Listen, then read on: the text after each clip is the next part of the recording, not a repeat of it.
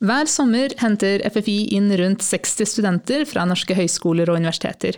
Og I denne episoden skal vi snakke med to av de som har fått boltre seg fritt mens forskerne er på ferie. Ugradert, en podkast fra Forsvarets forskningsinstitutt. Hei og velkommen til denne episoden av Ugradert. Mitt navn er Katinka Brattberg, og med meg i studio i dag har jeg Peder og Trym, som begge har brukt sommeren på å hjelpe økonomimiljøet her ved FFI. Velkommen hit. Takk, takk. Tusen takk. Hvor er det dere er til vanlig? Hva er det dere studerer for noe? Så jeg går, begynner nå på femte året på master i finansiell økonomi og internasjonal ledelse ved NHH. Og jeg tar en master i økonomi med fordypning i finans på Handelshøyskolen B i Oslo. Og så blir man siviløkonom til slutt, forhåpentligvis. Så dere er jo da økonomer. Har dere hatt en spesiell interesse for Forsvaret tidligere av, eller? Ja, jeg har alltid likt historie, og dermed også Forsvaret, som er en del av den mest spennende delen av historien, som krig og konflikt. Og så har jeg tidligere hatt en drøm om å jobbe operativt i Forsvaret, eh, men der måtte jo avbrytes pga. Av skade, så det er artig å se at det er eh, plass for økonomer i Forsvaret også, fra denne siden. Ja, og jeg eh, har vært alltid interessert i Forsvaret, men utover å ha vært i førstegangstjenesten og hatt det veldig fint der, så har jeg ikke noe sånn nevneverdig spesiell interesse. Men hva var det som gjorde at dere da søkte sommerjobb her ved FFI? Jeg ble trigget av å kunne jobbe med et samfunnsviktig oppdrag, og faktisk være med på å gjøre en bitte liten forskjell og gjøre noe fornuftig. Da. Og så er det sykt mange dyktige og spennende folk her som du kan diskutere det som kanskje er veldig nisje ellers, på, på et ganske høyt nivå. Da. Og det, det er artig. Um, men hvilke forventninger hadde dere før dere kom hit? da? Kjente dere noe særlig til FFI fra før av? Jeg forventet egentlig at FFI skulle ha et veldig rolig og profesjonelt miljø. Og at vi skulle få en kul og interessant oppgave. Og jeg føler egentlig at alt det ble innfridd. Miljøet her, økonomimiljøet, var veldig mottagelige og hyggelige. Og vi ble veldig godt ivaretatt egentlig fra dag én, som var veldig gøy. Jeg har ikke noe forhold til FFI fra før, så jeg så for meg at det kanskje skulle være et litt høyere innslag av labfrakker og teoretisk tilnærming. Så det var ordentlig deilig å komme hit og se at det var lave skuldre, og at du får være med på å utvikle fram metode og eh, faktisk ha innflytelse over det arbeidet du leverer. Da. Er det noe bestemt dere kan trekke fram fra sommeren som har vært overraskende eller spesielt morsomt? Kanskje ikke det morsomste, men iallfall det mest kuriøse, så var både meg og Peder med på eh, forsøkene i Klimakammeret når vi skulle teste de nye norske kampuniformene, altså NCU, Nordic Combat Uniform. Det var, det var vel noe av det mest spesielle vi har vært med på. Tror jeg snakker vi for oss begge. jeg tror jeg nesten dere må forklare litt hvordan disse testene fungerte, og hva Klimakammeret er for noe. Vel, Klimakammeret det er basically en stor fryser nede i en kjeller her på FFI. Der så forsker de på eh, bl.a. på disse nye kampuniformene ved at eh, forsøkskaniner som meg og Peder går med kampuniformen på eh, en tredemølle inne i 15 minus i 40 minutter, og så står 20 minutter stille. Og så er det forskjellige sensorer på kroppen da, som måler eh, fukt og kjernetemperatur og sånne ting. Men dette høres ikke ut som noe typisk eh, økonomistudie. Hvordan havnet dere oppi dette? Så der fikk vi egentlig bare en telefon litt utpå ettermiddagen en tilfeldig dag fra en jeg først trodde var en telefonselger, som viste seg å være en forsker på FFI, som lurte på om vi hadde lyst til å hjelpe til litt på et prosjekt. Sånn er det å være ved et tverrfaglig institutt. Der må man trå til å hjelpe andre også. Hvordan, eh, hvordan syns dere dette var for en opplevelse? Det var interessant. da. En av detaljene som vi fikk vite dagen etterpå, var det at det ene termometeret skulle opp i rumpa. Det hadde ikke vi helt forventa. Den kom som et lite overraskelsesmoment. Ikke en helt vanlig dag på jobb for de fleste, kanskje? Nei, det er ikke, det er ikke så ofte du går eh, rundt i bare bokser med en ledning hengende ut av rumpen i kjelleren ute på kjeller. Det, ja, det er en opplevelse, det òg. Kanskje ikke det du får mest bruk for eh, tilbake på skolebenken, men hva, hva opplevelsen her er det dere tar med dere tilbake til studiene? Peder? Så jeg spesielt tar med mye av det skrivearbeidet vi har gjort, og de tilbakemeldingene vi har fått underveis. Jeg skriver jo master nå, og for at det litteratursøket vi har gjort, og skrivingen kommer veldig godt med på det. Og jeg har lært veldig mye av mine uvaner når jeg skriver, og hvordan jeg kan forbedre den teksten jeg skriver der. Jeg leverte jo bacheloroppgaven nå nylig, hvor vi undersøkte hvor mye krigen i Ukraina har påvirket de norske spotprisene på strøm. Og å komme så tett på forskerprosessen her på FFI etter å ha levert den oppgaven, eh, gjør det at jeg nå ser forbedringsmuligheter som jeg ikke så når vi skrev den oppgaven tidligere. Da. Så dette kommer til å bli ekstremt verdifull inn mot en eh, eventuell masteroppgave. Og så har jeg også lært å kode i et nytt språk. Da. Jeg kunne jo ikke kode det ene språket når jeg kom hit. Så det har jeg lært meg, så det blir jo, det blir jo iallfall nyttig. Og for selv om dere har vært i samme miljø, altså økonomimiljø her, så har dere jo jobbet da på to forskjellige prosjekter, ikke sant? Ja, ja stemmer det. Ja, Så Trym, hva er det du har jobbet med? Så jeg og en flink eh, samfunnsøkonomistudent fra UiO som heter Ole Johannes, vi har jobbet på et eh, prosjekt på avdelingen forsvarsøkonomi og operasjonsanalyse, hvor vi har analysert og stilisert ressursanvendelsen på tvers av eh, Nato-land, og spesielt med hensyn på Norge, Sverige, Danmark og Finland. Jeg tror jeg du må forklare noen begreper. Ja, så mm, Det vi mener med ressursanvendelse, det er det at vi ser på hvordan forskjellige Nato-land, og spesielt Norden, eh, forvalter forsvarsbudsjettene. Hva bruker de penger på, når bruker de penger på det, hvordan er Forsvaret satt sammen, og skiller vi oss ut på noen måte. Da. Og dette kan være ganske eh, Overordnet sett så høres det kanskje lett ut, men når du sammenligner veldig forskjellige forsvar med hverandre, så kan det bli ganske innvikla etter hvert. Eh, hva er det da som gjør at dette er så vanskelig? Vel, Ethvert forsvar er jo utformet og rapporteres forskjellig. Noen forsvar har strategiske atomvåpen, som Frankrike, Storbritannia, Pakistan. Mens andre land de har eh, inkorporert en romfartsgren, som det amerikanske forsvaret f.eks. Og da skulle sammenligne land som har strategiske atomvåpen, romfart, mot et land som kanskje ikke har marine engang, og er et landlåst land i Europa, det, det gir ikke veldig stor mening for eh, da sammenligner du ressurser mot hverandre som ikke er der. Så for å kunne sammenligne forsvarsbudsjetter med så store forskjeller, så er vi nødt til å plukke de fra hverandre og sortere de inn i en felles forsvarsstruktur. Og først da kan vi begynne å sammenligne hva de bruker på eh, lønn og investeringer osv. Og når du har ryddet opp i utgiftspostene, forsvarsbudsjettet, så kan du starte å lage den samme strukturen, eh, en felles struktur for hvordan Forsvaret skal være organisert. Så da må du skille vekk romfartsgrener, du er nødt til å se på hva gjør faktisk marinen, og sånn at hæren i det ene landet blir sammenlignbart med hæren i det andre landet du forsøker å sammenligne med. det. Dette høres jo veldig komplisert ut. Det er mange, mange tall og mange faktorer og som sier mange forskjeller mellom landene. Hvorfor er dette viktig å studere?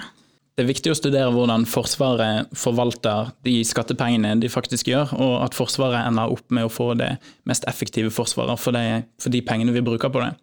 Og det er ganske store summer, for i slutten av 2022 så framla regjeringen et forslag om et forsvarsbudsjett på 75,8 milliarder norske kroner, som ligger på et sted mellom 1,5 og 2% av BNP, bruttonasjonalprodukt.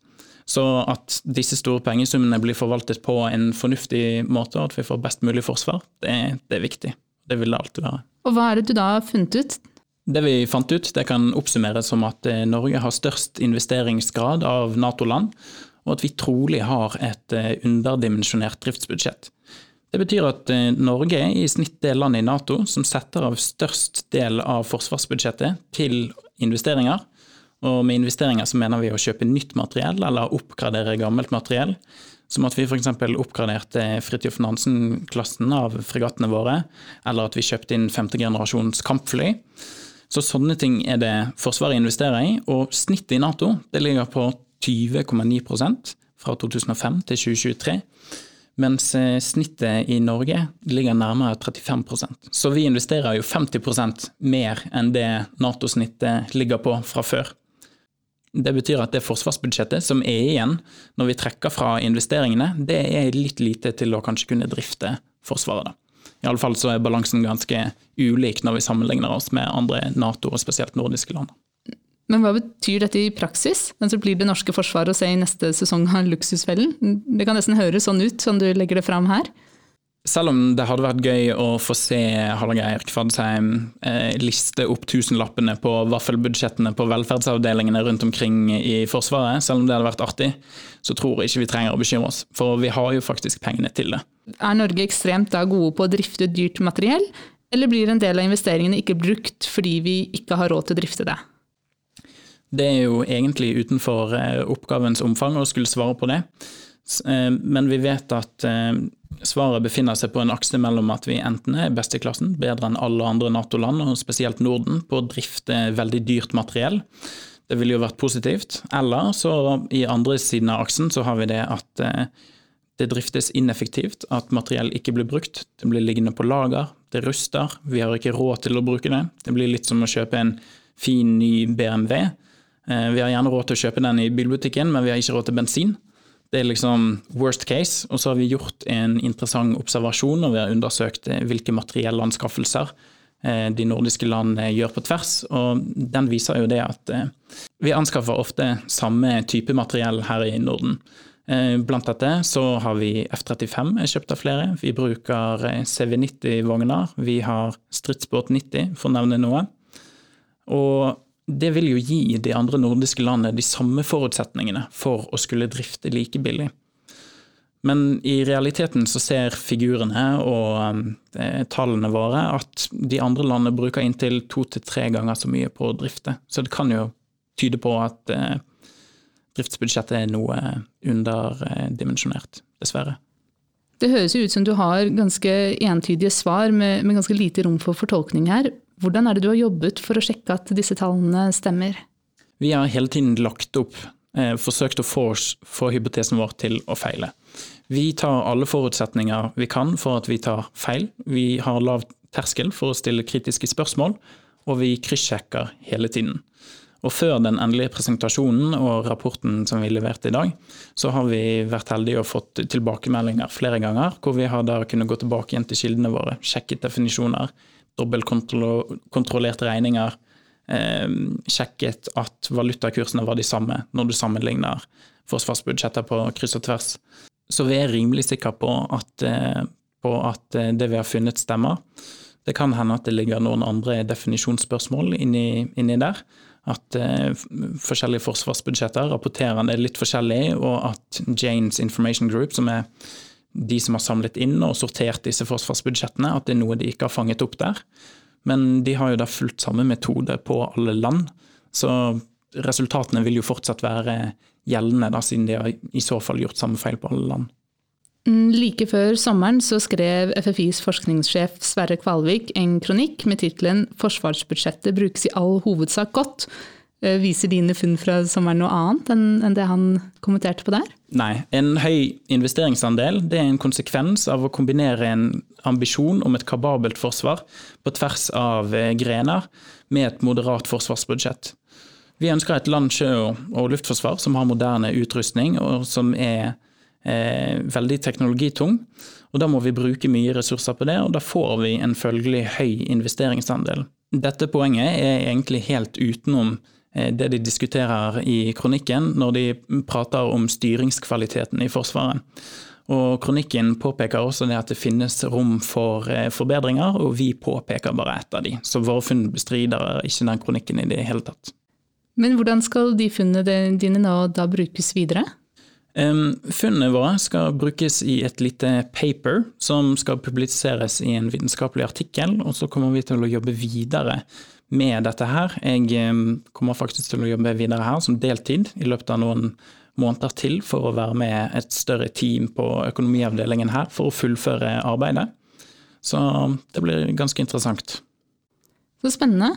Eh, hva med deg, Peder? Hva er det du har jobbet med her denne sommeren? Så jeg og en annen sommerstudent som heter Magnus, har jobbet med bærekraftige anskaffelser i forsvarssektoren. Og vi har skrevet et FFI-notat som har til hensikt å belyse litteratur og regelverk om bærekraftige anskaffelser, med særlig fokus på forsvarssektoren. Mm. Kan jeg spørre Hvordan ser en bærekraftig anskaffelsesprosess ut?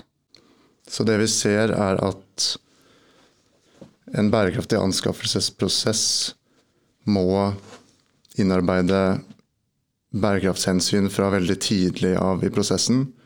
Og det må vurderes på lik linje som tid, kostnad og ytelse, som har vært de dominerende vurderingskriteriene egentlig i all tid. Og hvorfor er dette med bærekraft i disse anskaffelsesprosessene viktig å studere? Så nå er det på vei stadig strengere regelverk om bærekraft i offentlige anskaffelser, og forsvarssektoren spesielt. Så da er det veldig viktig å ha oversikt over hva alle begrepene betyr, utover de buzzwordsene man hører når det er snakk om bærekraft, som det har vært veldig mye snakk om de siste årene. Nettopp, så det handler om å være litt føre var, med andre ord. Ja. Og hva er det du da har funnet ut? Så det vi har funnet, er at det er veldig lite litteratur om bærekraftige anskaffelser i forsvarssektoren og forsvarssektorer generelt på verdensbasis. Men at det er mange av de samme tingene som går igjen i litteraturen om bærekraftige anskaffelser generelt. Og det vi ser ut ifra Forsvarets miljø- og klimaregnskap, som ble publisert nå for litt siden, er at for 2022 så var sto indirekte utslipp i forsvarssektoren for mer enn 70% av de totale utslippene. Kan du gi et eksempel på hva et indirekte utslipp kan være for noe? Så indirekte utslipp er alt utslipp som skjer bl.a. før vi får produktet levert, når det produseres, når råvarene utvinnes, når materialene fraktes fra A til B osv. Alt utslippet som skjer der, kommer da inn som indirekte utslipp når man ser på den anskaffelsen i forsvarssektoren. Og Hvilke implikasjoner har disse funnene dine for Forsvaret? Det er det at det er veldig store muligheter når det kommer til å redusere utslipp. Bare ikke der man kanskje tenker når man tenker på utslippskutt. Som jeg f.eks. hvis jeg hører ja, nå skal Forsvaret kutte utslippene sine. Da tenker jeg ok, da blir det mindre øvelser. Da må leopardene og CV-90-ene kjøre mindre, fordi det er det som er størsteparten av utslippene. Og det ser vi jo med miljø- og klimaregnskapet, at det stemmer ikke. Det er de indirekte utslippene som er størst. Og da er det også veldig store muligheter, som vi ser med den generelle litteraturen og forsvarssektoren. Men hvor enkelt er det da å kutte utslipp i anskaffelsesprosessen? Så det er egentlig ganske vanskelig. Men det vi ser er at det er et stort forbedringspotensial for forsvarssektoren å bruke den innkjøpsmakten og påvirkningsmakten til på leverandører for å redusere utslipp nedover i verdikjeden. Og Hvordan skal disse funnene da brukes videre? Så Dette notatet skal brukes inn i en pågående studie på FFI om bærekraft i tidlig fase av forsvarsinvesteringer. Som er den første studien på det området på FFI. Som er veldig kult å ha vært litt med på. Så spennende. Og her sitter dere jo begge to og snakker som forskere allerede etter bare noen uker ved FFI. Og det er nettopp det sommerjobben ved FFI skal jo gi et innblikk i hvordan det er å være forsker. Har det fristet deg med en forskerkarriere? Det har definitivt åpnet øynene for at det finnes karrieremuligheter eh, hvor du kan kombinere kunnskap for forsvar geopolitikk og med en tradisjonell økonomiutdannelse. Så det har absolutt vært spennende, så vi får se hva fremtiden bringer. Hva med deg, Peder? Har det fristet med forskerkarriere? Jeg ser absolutt for meg muligheten til å komme tilbake hit eh, etter hvert, så får vi se hva som skjer. Dere har jo vært sammen med nesten 60 andre studenter fra andre læringsinstitusjoner rundt omkring i, landet. Hvordan har miljøet blant sommerstudentene vært? Dere har jo jobbet med veldig mye forskjellige ting.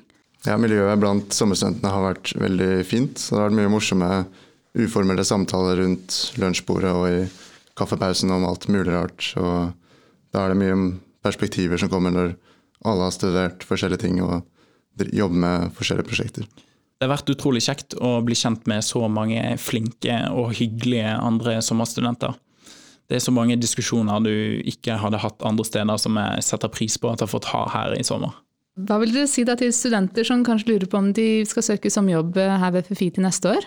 Hvis du ønsker å ha en sommerjobb hvor du blir kjent med mye dyktige og hyggelige folk, og som samtidig gjør en noenlunde samfunnsviktig oppgave, så er det bare å søke. Jeg tenker absolutt at det er verdt å søke FFI, for da har du potensial til å få en litt annerledes sommerjobb og kanskje fulltidsjobb etter hvert. Hvor du jobber med ting som er dagsaktuelt med tanke på Forsvaret. Tusen takk for at dere hadde tid til å komme og fortelle litt om sommeren deres her ved FFI. Jo, selv takk. Takk. Og hvis du som lytter har lyst til å prøve deg til neste sommer, eller kanskje kjenner du noen andre som gjør det, så gå inn på ffi.no sommerjobb, så finner du mer informasjon der.